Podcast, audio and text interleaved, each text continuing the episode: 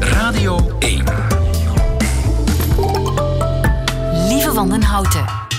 Nieuwe feiten. Dag, dit is de podcast van Nieuwe Feiten van woensdag 7 maart, waarin we het verder niet zullen hebben over die peuter in Shanghai die de iPhone van zijn moeder geblokkeerd heeft voor 25 miljoen minuten. Oftewel 48 jaar. Mams had haar telefoon eventjes aan haar zoontje gegeven om hem naar leerrijke video's te laten kijken. Maar die gaf zo vaak de verkeerde toegangscode in dat de arme mama voor een bijzonder lange tijd haar telefoon niet kan gebruiken. Want het principe bij Apple luidt hoe vaker je de verkeerde code ingeeft, hoe langer je iPhone geblokkeerd blijft. En dat is goed om weten. De andere nieuwe feiten zijn Kim Jong-un als vredesduif geen Franse bulldogs op Engelse hondenshows, kwal als de delicatesse van de toekomst en het einde van de Lego-bubbel. Het middagjournaal komt van Eva Mouton. Geniet ervan. Nieuwe feiten. De verrassing van het jaar toch, nu al. Vorige maand klonk het nog heel strijdlustig op de Noord-Koreaanse televisie. 박명성 3호 2호기 위성 발사 성공 12월 10일 평안북도 철산군 소일 위성 발사장에서 Ja, je hoeft geen Koreaans te verstaan om te begrijpen dat hier geen bloemetjes worden gegooid, maar raketten. En ook president Trump liet vanuit het Witte Huis weten dat zijn knop veel groter was dan de knop van Kim Jong-un. Al een jaar lijkt de nucleaire oorlog niet eens zo ondenkbaar door de agressieve taal- en raketproeven van eh, Noord-Korea. Maar dan kwam gisteren opeens een verzoenende boodschap. Hoe serieus moeten we die nemen? Michiel Hogeveen, goedemiddag. Goedemiddag. Je bent eh, Noord-Korea-expert en eh, politicoloog. Ja, er komt in april een topontmoeting tussen de leiders van Noord- en Zuid-Korea. Dat is heel zeldzaam, zo'n topontmoeting tussen de beide Koreaanse leiders. Ja, dat was uh, gisteren toen dat nieuws uitkwam, uh, was echt uh, vriend en vijand was verrast. Um, we hebben natuurlijk wel de Olympische Winterspelen al gehad, waar we een ver, verzoenende toon zagen tussen Noord- en Zuid-Korea. Um, maar goed, de spanningen waar u het zojuist over had, dat zit tussen Noord-Korea en de Verenigde Staten. Dus de verwachting was dat na de Olympische Winterspelen de spanningen wel weer zouden oplaaien. Um, maar de Zuid-Koreanen hebben doorgepakt. Die hebben een, een, een um, delegatie gestuurd naar Noord-Korea. En uh, die kwamen gisteren met een uh, ja, heel indrukwekkend, concreet uh, akkoord eigenlijk ja, al. Ja, ja. Dus het is eigenlijk een Zuid-Koreaans initiatief. Ja, nogthans, de, de, Verenigde Staten, dat is het, ja, de, op, de, op de achtergrond natuurlijk de, de bron van het conflict. nu zou Noord-Korea ook openstaan voor gesprekken met de Verenigde Staten en zelfs willen praten over ontmanteling van hun nucleaire programma. Ja, ja dat, is, uh, dat, dat was dus inderdaad de grote verrassing uh, die, die gisteren naar, aan het licht kwam. Uh, de, de, de hele nucleaire impasse die zat er eigenlijk in dat Noord-Korea allerlei eisen stelde aan de Verenigde Staten voordat er dialoog zou komen. Bijvoorbeeld dat de Verenigde Staten zou stoppen met hun jaarlijkse militaire oefeningen samen met Zuid-Korea aan de grens. En dat zij hun uh, 30.000 Amerikaanse troepen uh, langzaam zeker zouden gaan terugtrekken van het Koreaanse schiereiland. En aan de andere kant had je heb je de Verenigde Staten die zeggen: ja, voordat wij de dialoog aangaan, willen wij uh, eerst bewijs zien dat jullie je nucleaire wapens gaan opgeven. En beide kanten leken daar niet aan toe te geven. Maar ja, tot, tot gisteren dat Noord-Korea toch een, een, een stap in de, eerste, in de goede richting lijkt te zetten. En hoe geloofwaardig is dat? Dat is nog even de vraag. Uh, het is natuurlijk ook even. Het is natuurlijk nog de vraag wat de Noord-Koreanen precies verstaan onder hun veiligheid. Zij zeggen dat de, uh, zij ge, uh, hun bereid zijn hun nucleaire wapens op te geven in ruil voor hun veiligheid. Um, de Noord-Koreanen hebben zelf tegen mij gezegd vorig jaar dat zij onder veiligheid bestaan, verstaan uh, dat dus die militaire oefeningen worden stopgezet en dat uh, langzaam maar zeker de 30.000 Amerikaanse troepen van het Schiereiland zullen uh, vertrekken. Want zij voelen zich daar echt zwaar door bedreigd. Ja, dat zijn jaarlijkse oefeningen vlakbij hun uh, grens. Um, en zij hebben niet de, de mo meest moderne satellietbeelden en, en, en radarapparatuur uh, om precies te zien wat daar gebeurt. Dus zij zien dat als een soort uh, ja, stage om, voor, voor, een invasie, een soort, een soort repetitie. En ehm, wat vinden de Amerikanen? Eh, hebben die wel oren naar die voorstellen? Nou, de eerste, reacties van, de eerste reactie van Donald Trump uh, is vrij voorzichtig geweest. Hij zei van, nou goed, uh, het lijkt erop dat we eindelijk een, een, een doorbraak hebben geforceerd. Maar goed, we moeten nog maar zien hoe het, hoe het verder gaat. Um, maar goed, er zijn ook weer andere stemmen, voornamelijk uit de conservatieve hoek in Amerika, die zeggen van ja, dit is sowieso uh, déjà vu, want Noord-Korea zal wel weer vals spelen in de onderhandelingen. Dat doen ze wel vaker, vals spelen. Uh, ja, klopt. Dat hebben ze inderdaad vaker gedaan. Uh, de, daar is wel een kanttekening bij dat, dat, de, Noord, dat uh, de Amerikanen ook niet altijd hebben geleverd wat ze hebben beloofd. In 1994 was er een overeenkomst tussen de Verenigde Staten en Amerika. Waarbij Noord-Korea beloofde haar nucleaire activiteiten te stoppen en Amerika uh, economisch zou investeren in Noord-Korea en geleidelijk zou toewerken naar een vredesverdrag. Er is tot nu toe nog steeds geen vredesverdrag getekend sinds het einde van de Koreaanse oorlog op 1953. En uh, de Noord-Koreanen die hadden inderdaad hun nucleaire activiteiten stopgelegd voor een aantal jaar. En de Amerikanen die leverden maar hun economische investeringen niet en hun, uh, kwamen hun beloften niet na. Dus ze voelden zich ja. bekocht en hebben ze dan ja. op hun beurt vals gespeeld? Nou, zij hebben op hun beurt vals gespeeld omdat zij toen, uh, het, toen, zij het, toen de Noord-Koreanen het gevoel kregen dat de Amerikanen zich niet aan de deal zouden houden, zijn zij stiekem uh, weer begonnen met hun nucleaire activiteiten. En toen heeft Amerika gezegd, ja zie je wel, ze spelen vals. En uh, ja, toen is het eigenlijk, sindsdien is het niet meer goed gekomen. Ja, en dus, dus ook dit vredesgebaar zou een mogelijk schijnmanoeuvre kunnen zijn? Dat ze dan zeggen, ja weet je, we ontmantelen alles, maar in, in de praktijk gaan ze gewoon onverstoord verder met het bouwen van raketten. Nou, ik denk dat ze nu wel uh, dusdanig serieus zijn, de Noord-Koreanen. Ook omdat de laatste rakettest van Noord-Korea was in november. Uh, de internationale gemeenschap was er eigenlijk van geschrokken hoe indrukwekkend die test was. Dat was echt een, uh, hoe hoog en hoe ver die raketten wel niet konden gaan. En Noord-Korea zei zelf ook, wij zijn nu een volwaardige kernmacht. Dus zij zullen ook in die hoedanigheid aan uh, de onderhandelingstafel gaan zitten. Zij voelen zich eigenlijk sterk genoeg om te gaan onderhandelen. Dat is de ware reden van de, deze plotse vredesboodschap. Dat, uh, dat denk ik ook. En ik denk ook dat de sancties een rol spelen. De sancties onder Donald Trump zijn wel significant toegenomen. Uh, dus dat, dat, de economie van Noord-Korea voelt dat ook wel.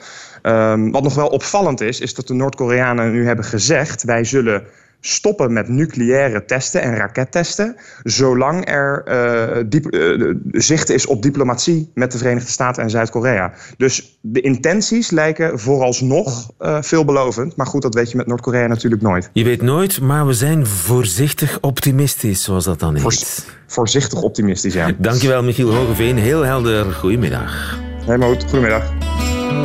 In ieder geval is de onmiddellijke dreiging van een nucleaire oorlog even van de baan daar door de plotse dooi in de relaties tussen de beide Korea's.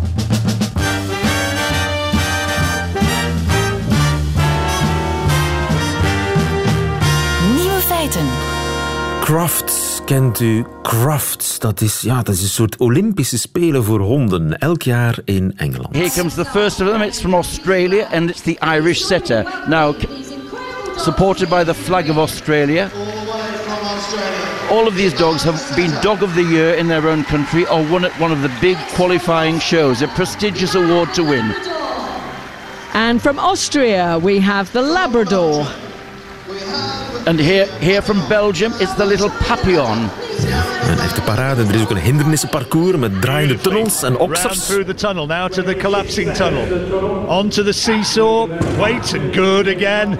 Now, just that final concentration. It's going to be outside the last time, but it's going to be quick. Over the final flight. 39.556. Moving into second place. Ik zei het al, Olympische Spelen, maar dan voor honden. Maar nu is er één bepaalde hondensoort dit jaar niet welkom. Uit Frankrijk. De Franse bulldog. Lia van Beckhoven, goedemiddag. Goedemiddag. Onze vrouw in Londen. Eerst en vooral, ben je wel eens op crafts geweest? Jazeker, jazeker. Weet je wat ik de leukste, het leukste onderdeel vind? Ja? Ehm, Nee? Want jij zegt, jij zegt Olympische Spelen eh, voor honden, maar het is ook net zo goed een Oscar voor honden, een schoonheidswedstrijd voor honden, wat je wil. Het mooiste onderdeel vind ik heel work to music. Weet je wat het is? Hielenwerk op muziek. Eh, de eigenaar die danst dan met de hond. Een rondje. Wow. En dan moeten de juryleden kijken welke hond het mooiste danst. Maar het is dus eigenlijk... Ik ben een keer geweest voor, voor een verhaal, moet ik zeggen. En ik vond ehm, eh, dat is een prachtig onderdeel. Een ander onderdeel eh, wat, ik erg, wat me erg eh, charmeerde was Best in Show. En dat is echt een schoonheidswedstrijd. Diverse soorten worden natuurlijk apart beoordeeld. Je hebt de beste werkhond, een mooiste jachthond, speelhond, noem maar op. Maar de poedels. Echt. De poedels. Tientallen Ja, ja. hokken in een enorme zaal. Waar eh, de eigenaren die beesten feunen, opspuiten, wassen, kammen, weet ik veel, knippen. Ehm Sommigen deden me sterk denken aan die, weet je wel, die, die, die gesnoeide hagen. Eh, Anderen waren niet meer dan eh, een witte wolk. Echt een, een, pluis met oogjes. En het gaat dus uiteraard eh, om het karakter en de persoonlijkheid van de hond. Net zoals bij een misverkiezing. Nou, het uiterlijk vooral. Ja. Hè? Eh, eh, en dat is eh, wat natuurlijk andere mensen ook omstreden vinden. Omdat het, ja, god, als er iets, als er één show is voor hondenliefhebbers die hondeneigenaren stimuleert om perfecte beesten te fokken qua uiterlijk, echt een, het beste van het ras, dan is dat deze show wel. Ja. Ik bedoel, gemengde rassen, vuilnisbakkenrassen, die kom je niet tegen. Die community. Het en is dus een- ook niet die Fransen waar Die je het over Fransen, had. ja, die, die zijn er nu dus... eigenlijk- Is het echt een officiële banvloek? Nee, nee, nee. Maar er zijn van die Franse bulldogs onder andere. Heeft trouwens niets met Frankrijk te maken, want zijn gekweekt destijds 19e eeuw in Groot-Brittannië. Maar goed, de Franse bulldog is geweldig populair. En die worden zo gefokt, zo gekweekt, eh, dat ze allerlei, eh, een aantal in ieder geval, genetische afwijkingen hebben. Ze hebben ademhalingsmoeilijkheden. Ze hebben last ehm, eh, met lopen van, van, van hun botten en zo. En wat de jury van deze grootste hondenshow ter wereld ehm, nu wil, zijn nieuwe regels om honden te eh, beoordelen. Dus het heeft niets te maken met het feit dat ze Frans zouden zijn, hè, laat staan met Brexit of zo. Maar het gaat dus echt eh, dat vooral die populaire rassen als die Franse bulldogs eh eruit zien zo, ja, zo, zoals het niet meer gezond is. En dat vindt men nu, dat moet je voorkomen. Ja, ja. Want het is omterplatst, hè, qua neus. Ja. Precies, dat is het. Hè? Het zijn dikke beestjes, eh, korte dikke beestjes, platte snuiten, eh, grote ronde ogen, rechtopstaande oortjes. Ja, Disney-hondjes. Ja. Weet je, net zoals die handtashondjes, die chihuahuas van een poosje geleden. En de reden eh, voor die populariteit is celebrities. Celebrities, Lady Gaga, Hugh Jackman, David Beckham, weet je wel, die, hebben, die lopen rond met, met, met dat soort beesten. En dan wil de rest van de mensheid ook wel zo'n model. Het is echt een hond als modeaccessoire. Maar eigenlijk is het mishandeling. Dat vinden sommige mensen wel. Ja. Dus vandaar de druk op de jury om eh, te voorkomen dat dit soort populaire, ehm, te veel gefokte, verkeerd gefokte honden mee blijft doen. Maar dat er Frans in de naam staat, dat zal natuurlijk ook wel helpen. Waarschijnlijk wel. Want er zijn nog andere hondenrassen die eh, ja, extreem gekweekt zijn, waardoor ze niet al te gezond eh, op hun poten staan. hè? Precies. En al die beesten, ehm, en, en eh, dat eh, vinden de Britten natuurlijk ook kwalijk, eh, dat al die beesten, de oorspronkelijke honden die en Brits waren en populair waren in Groot-Brittannië, terzijde geschoven hebben. Kijk, vroeger had je de, de, de- nou nog steeds wel, maar labradors, weet je wel, spanielen, Ierse setters, herdershonden, terriers en zo. Ehm, dat waren oorspronkelijk honden. populaire dieren. Precies, en die zijn nu dus terzijde geschoven door, laten we zeggen, die, die populaire handtashondjes. Ja, en dat eh, moet maar eens veranderen, vinden ze het stilaan ook bij de jury van Crufts. Dat enorme ding in Engeland. eh, ja, honderdduizenden mensen gaan er naartoe. Tienduizenden honden nemen er aandeel. En het begint morgen. Ik hoop dat je erbij kan zijn eh, eh, dit jaar. Ik hoop het voor jou, eh Lia, want het lijkt mij reuze spannend. Dankjewel, Lia. Ik zie het wel op de tv, drie dagen lang. Dankjewel, Lia van Beckhoven in. Londen. Crufts vanaf morgen dus op de tv bij Lia van Beckhoven. Nieuwe feiten. Ja, het gaat bergaf met Lego. Peter de Smet, goedemiddag. Goedemiddag. Je bent Lego-kenner, als ik eh, mij niet vergis, zelfs Lego-freak, ehm, dat is zachtjes uitgedrukt, ja. Heb je een kamer vol? Eh, dat klopt. Ik zit hier zelfs live in mijn kamer nu. en wat, kijk eens om je heen, wat zie je? Ik zie heel veel Lego Star Wars dozen die uh, naar mij staan te blinken en die zich van de dalende omzetcijfers van Lego niets aantrekken. Dozen? Je hebt ze nog niet eens uitgepakt? Uh, jawel, jawel, jawel. Maar mijn dozen staan ook mooi tegen de muur uitgestald uh, als decoratie. Als decoratie. maar je hebt niet een permanente tentoonstelling van allerlei bouwsels? Oh, nee. daar is mijn plaats wat te klein voor. Want ik heb ook nog heel veel op zolder staan. Ehm, om echt een tentoonstellingsruimte te hebben, ehm, daar woon ik wat te klein voor. Zij, voor het eerst in 13 jaar daalt de verkoop en de winst van het Deense bedrijf. Hoe komt dat, denk je? Volgens Lego zelf uh, is het omdat ze een klein beetje uh, overschat hebben en een overproductie gedaan hebben, waardoor dat ze hun dozen niet verkocht krijgen. En dan hebben we in augustus gemerkt dat ze ineens dat 70% korting gaven op hun Lego om de schappen leeg te maken voor de nieuwe Lego-dozen. Dus misschien een beetje te veel geproduceerd. Um, Overdreven enthousiast. Ja, en, en ook wel, ik denk ook wel een klein beetje um, de, de, de investeerders, de mensen die, die uh, eurotekentjes in hun ogen hebben, nu een klein beetje afgeschrikt, omdat Lego ook uh, oude dozen opnieuw uitbrengt. Waardoor dat mensen die zo tien van die dozen op zolder staan hebben, ineens denken van oei, daar gaat een investering. Uh, en zich nu een beetje tegengehouden voelen om nieuwe dozen terug en masse te stockeren.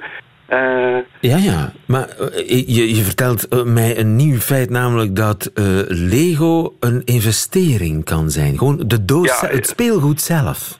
Ja, dat is zo een, een, een, trend die we al een paar jaar merken. Ook in de media wordt dat, uh, als er een keer eens een, op, op internet een Lego-doos voor 5000 euro verkocht wordt, dat er ineens mensen, oh, dat brengt nog meer op als goud.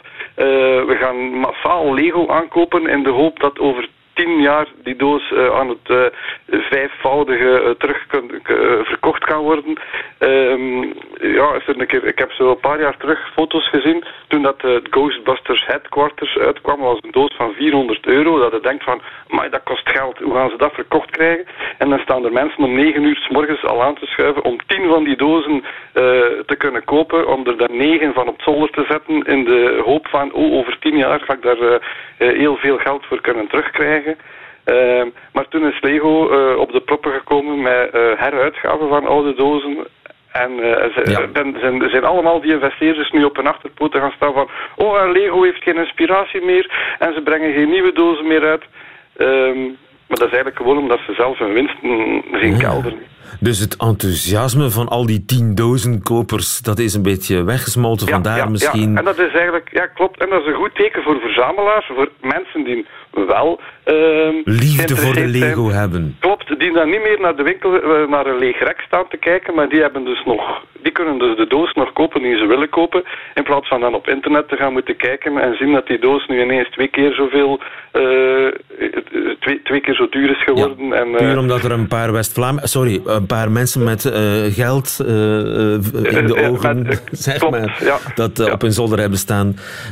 Oh, ik ga brieven krijgen.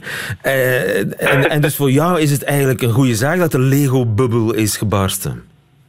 Uh, ik, kijk, ik ben er enorm naar aan het uitkijken. Ja, dat inderdaad die, uh, die, die bubbel, like dat je het zegt, uh, een keer eigenlijk doorprikt wordt van, kijk, um, want ik zelf, ik, ik, ik ik, heb, uh, ik, ik kan er niet tegen dat, dat mensen... Want ik, zelfs, ik zal ook nooit geld uh, vragen voor mijn Lego-doos, want ik ben eigenlijk een, als ik uh, een oude doos wegdoe, dan ruil ik liever voor een nieuwe doos dan dat ik er, dat ik er geld voor zou willen verdienen. Want ik denk, de, de, de moment dat ik er geld mee verdien met mijn Lego, ja. is voor mij de hobby kapot. Ja. En voor veel mensen die, die echt zo denken van, ja, maar ja, Lego koopt het toch niet voor het geld? Lego koopt het om, om te hebben, koopt, koopt het om te bouwen in eerste plaats. Ja. Uh, in plaats van dat echt als investering te zien. Want dat breekt jouw Lego-hart, want de Lego-liefde ja, ja. zit bij Peter de Smet heel erg diep. Had je dat altijd al als kind?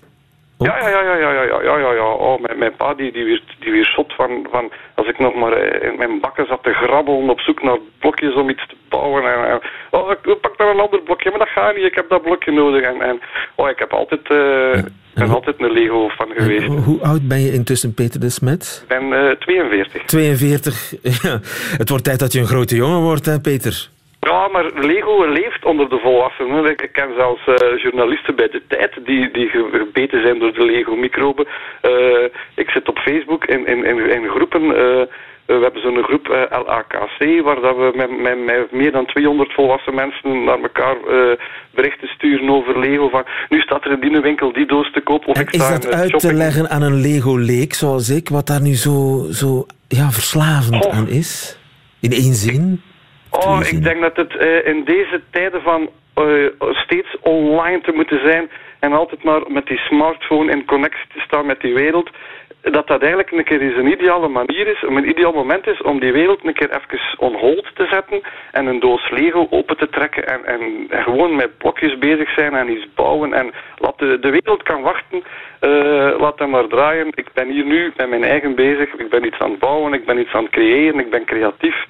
Uh, het is eigenlijk het, perfecte me-moment. Uh, David Beckham heeft er ook al, ook al verschillende keren in artikelen of in interviews gezegd van als ik op hotel ben of zo en, en, en, en of, of, of, of, zelfs thuis gewoon even een Lego-doos open doen en dat is het, het ultieme zen-moment. Ja, je bent in goed gezelschap, ja. Peter de Smet.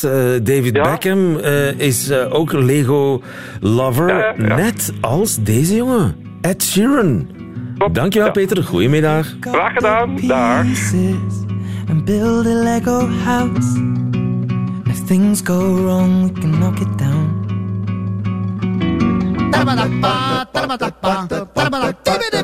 Nieuwe feiten. Een kruidig gebakken geitenbok testikeltje. Of een snackballetje van suikerwier. Liever kwal met knolseldervulling. Allemaal niet voor u, nochtans is dat de keuken van de toekomst. Lars Garas, goedemiddag. Goedemiddag. Lars, je hebt een boek geschreven over de ja. keuken van de toekomst. Ja. En dat heet Blijven eten. Waarom moeten we die rare dingen gaan uh, eten? Nou, we hebben gewoon een groot probleem met z'n allen dat we waarschijnlijk niet meer voldoende eten hebben voor de hele wereldbevolking. We kunnen niet met z'n 10 miljard biefstuk friet eten. Dat kan de planeet nee. niet aan. Nee, dat kan de planeet niet aan. En dus moeten we andere gewassen gaan eten die we vandaag niet eten? Ja, overal in elk deel van de wereld hebben ze weer een andere eetcultuur.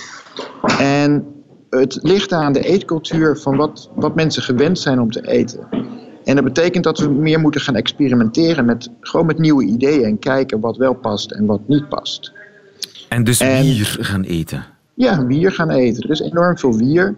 We produceren al het eten op het land. En eigenlijk is dat vreemd, want, want 70% van de, van, van de planeet bestaat uit water. En behalve wier, zijn er nog andere gewassen die we dringend moeten leren kennen? Nou, er zijn 60.000 dingen op deze planeet die we kunnen eten. We aten er vroeger ongeveer duizend met alle verschillende eetculturen in de wereld. En op dit moment zijn er maar 30 ingrediënten die 98% van ons eten leveren. 30? Dus, dat is weinig. Dat is bijna, bijna niks. En daarom worden we dus ook heel erg fragiel. Um, er hoeft maar iets te gebeuren of we hebben geen graan meer. Of we hebben geen soja meer. En dat betekent dat... dat we plotseling niet meer genoeg te eten hebben. Dus we zullen het meer moeten spreiden over veel meer verschillende gewassen. En moeten we ook andere dieren gaan eten? Ja, nou ja, dieren die, uh, ik noem het dan, die lager in de voedselketen staan. Dus schelpdieren, uh, die staan heel laag in de voedselketen en die filteren uh, het water. Die filteren alle, alle voedingsstoffen uit het water. En die zouden we bijvoorbeeld meer kunnen eten. Uh, en dat geldt precies hetzelfde met bijvoorbeeld in, insecten. Die staan ook heel laag in de, in, de, in de voedselketen. En alles van het dier opeten? En natuurlijk alles van het dier opeten, ja. Dus ook de testicles van de geitenbok? Ja, tuurlijk. Maar die zijn ook nog hart, hartstikke lekker, alleen, alleen we zijn het niet gewend. U heeft het al geproefd? Ja, tuurlijk. en is dat iets voor het kerstmenu? Ja, waarom niet? Uh, je kan alles kan je lekker en niet lekker klaarmaken. Um, dus ook kwal?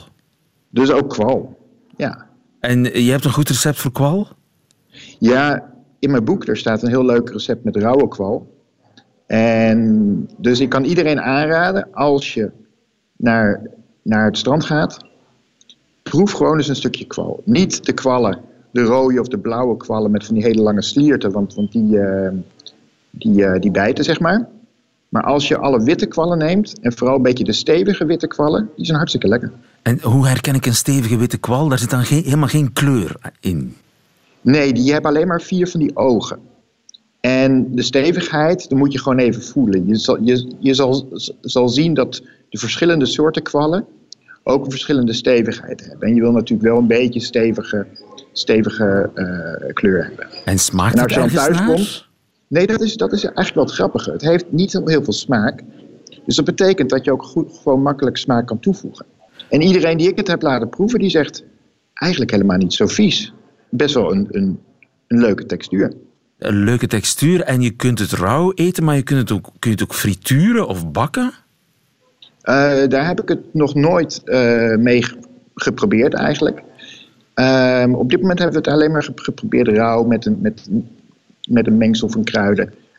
En in mijn boek daar staat een recept met gefermenteerde groenten. Gefermenteerde groenten? En kwal. En kwal. En dat schijnt heel uh, lekker te zijn. Ja, dat is heerlijk. Dus andere delen van dieren, andere dieren, andere gewassen moeten we gaan eten. Zit er ook verbetering in de manier waarop we grond bemesten? Een van de problemen die we hebben is dat 25% van de landbouwgrond in de wereld is min of meer uitgeput. Dus daar zitten geen voedingsstoffen meer in. Dus we zullen nieuwe manieren moeten vinden om die voedingsstoffen erin te krijgen. Het is niet zozeer dat die voedingsstoffen weg zijn, maar we zijn gewoon heel slordig met al die voedingsstoffen omgegaan. Dus bijvoorbeeld op de, op de bodem van de Noordzee en op de bodem van heel veel meren, er is een hele dikke laag prut. Dat zijn allemaal nutriënten. En eigenlijk zouden die nutriënten weer op het land moeten om zo het land te bevruchten. En laten we nou de poep van hele jonge kinderen, op de crash bijvoorbeeld, laten we die nou ophalen.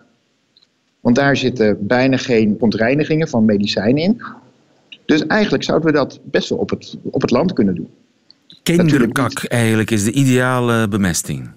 Nou ja, waarom niet? Kijk, onze, vroeger betaalden onze boeren om onze poep op te halen. Niet voor niets, want daarmee konden ze namelijk hun, hun land bemesten.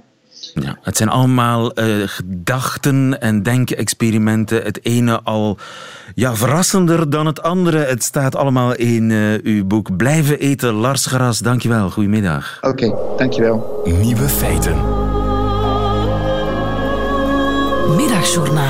Mijn lief en ik zijn een halve week aan zee. We staan laat op, lezen de krant, vullen kruiswoordraadsels in en gaan om eten in de plaatselijke supermarkt. Soms nemen we een droge worst mee. Altijd koop ik een album van de Kiekeboes. Op de eerste dag lopen we naar de manege. Er ligt een waas over het duingras, het mos, de slakjes en het zand. Alsof Luc Tuymans vannacht het landschap heeft aangepakt. Zachtjes, de kwast gedoopt in aangelengd zinkwit. Ik leer Bert hoe hij een paard moet wrijven. Eerst aan je hand laten ruiken, dan je hand op zijn neus. Kijken of hij zijn oren legt. Als hij je leuk vindt, geef je klopjes in zijn hals of krap je achter zijn oren. Het voorbeeldpaard gooit zijn hoofd omhoog. Bert schrikt. Ik zeg, na een tijd leer je ze lezen. Ik voel mij raar in de rol van onderwijzer, dus laat ik Bert alleen en loop ik naar een andere gang. Er ligt al een laag zwart stof op mijn handen. Ik denk een tel aan Philippe van den Berg, de schilder die in 2009 een einde maakte aan zijn leven. Zijn laatste werken waren rauw, bijna zwart gepekt. Ik begin hard met mijn wijsvinger over de palm van mijn hand te wrijven. Het stof draait in fijne rolletjes. Het routineuze gebaar werpt me terug naar de lange zomers die ik met mijn nichtjes op de manege in het dorp naast het onze doorbracht. We batikten lelijke t-shirts, knoopten lelijke armbanden, verzonnen lelijke dansjes en speelden veel van paardje. Op een dag raakte mijn ene nicht de andere met de longeerzweep. Ze viel bezweet en kermend neer in het mulle zand van de piste. Toen ze opstond, bleef het zand aan de helft van haar gezicht kleven, wat ons uiteraard in lachen deed uitbarsten. Op paardenkamp had er altijd wel iemand pijn. Viel je niet van je bokkende pony, dan kreeg je wel een hoef op je teen wanneer je de buik van je paard vol overgave aan het roskammen was.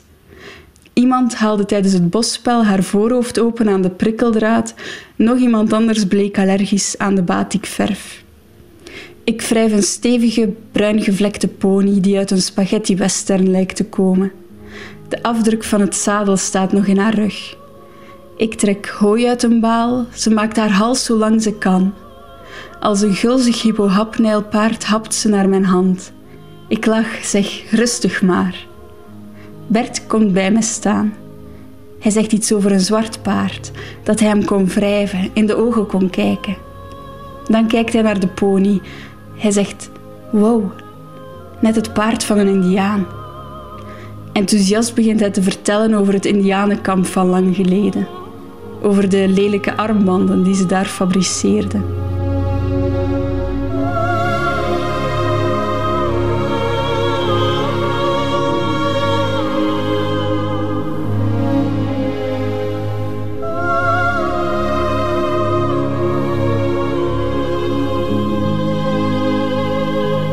Middagjournaal kwam van Eva Mouton. Meteen het einde van deze podcast. U vindt er nog veel meer op radio1.be en op de gebruikelijke podcastkanalen. Tot nog eens.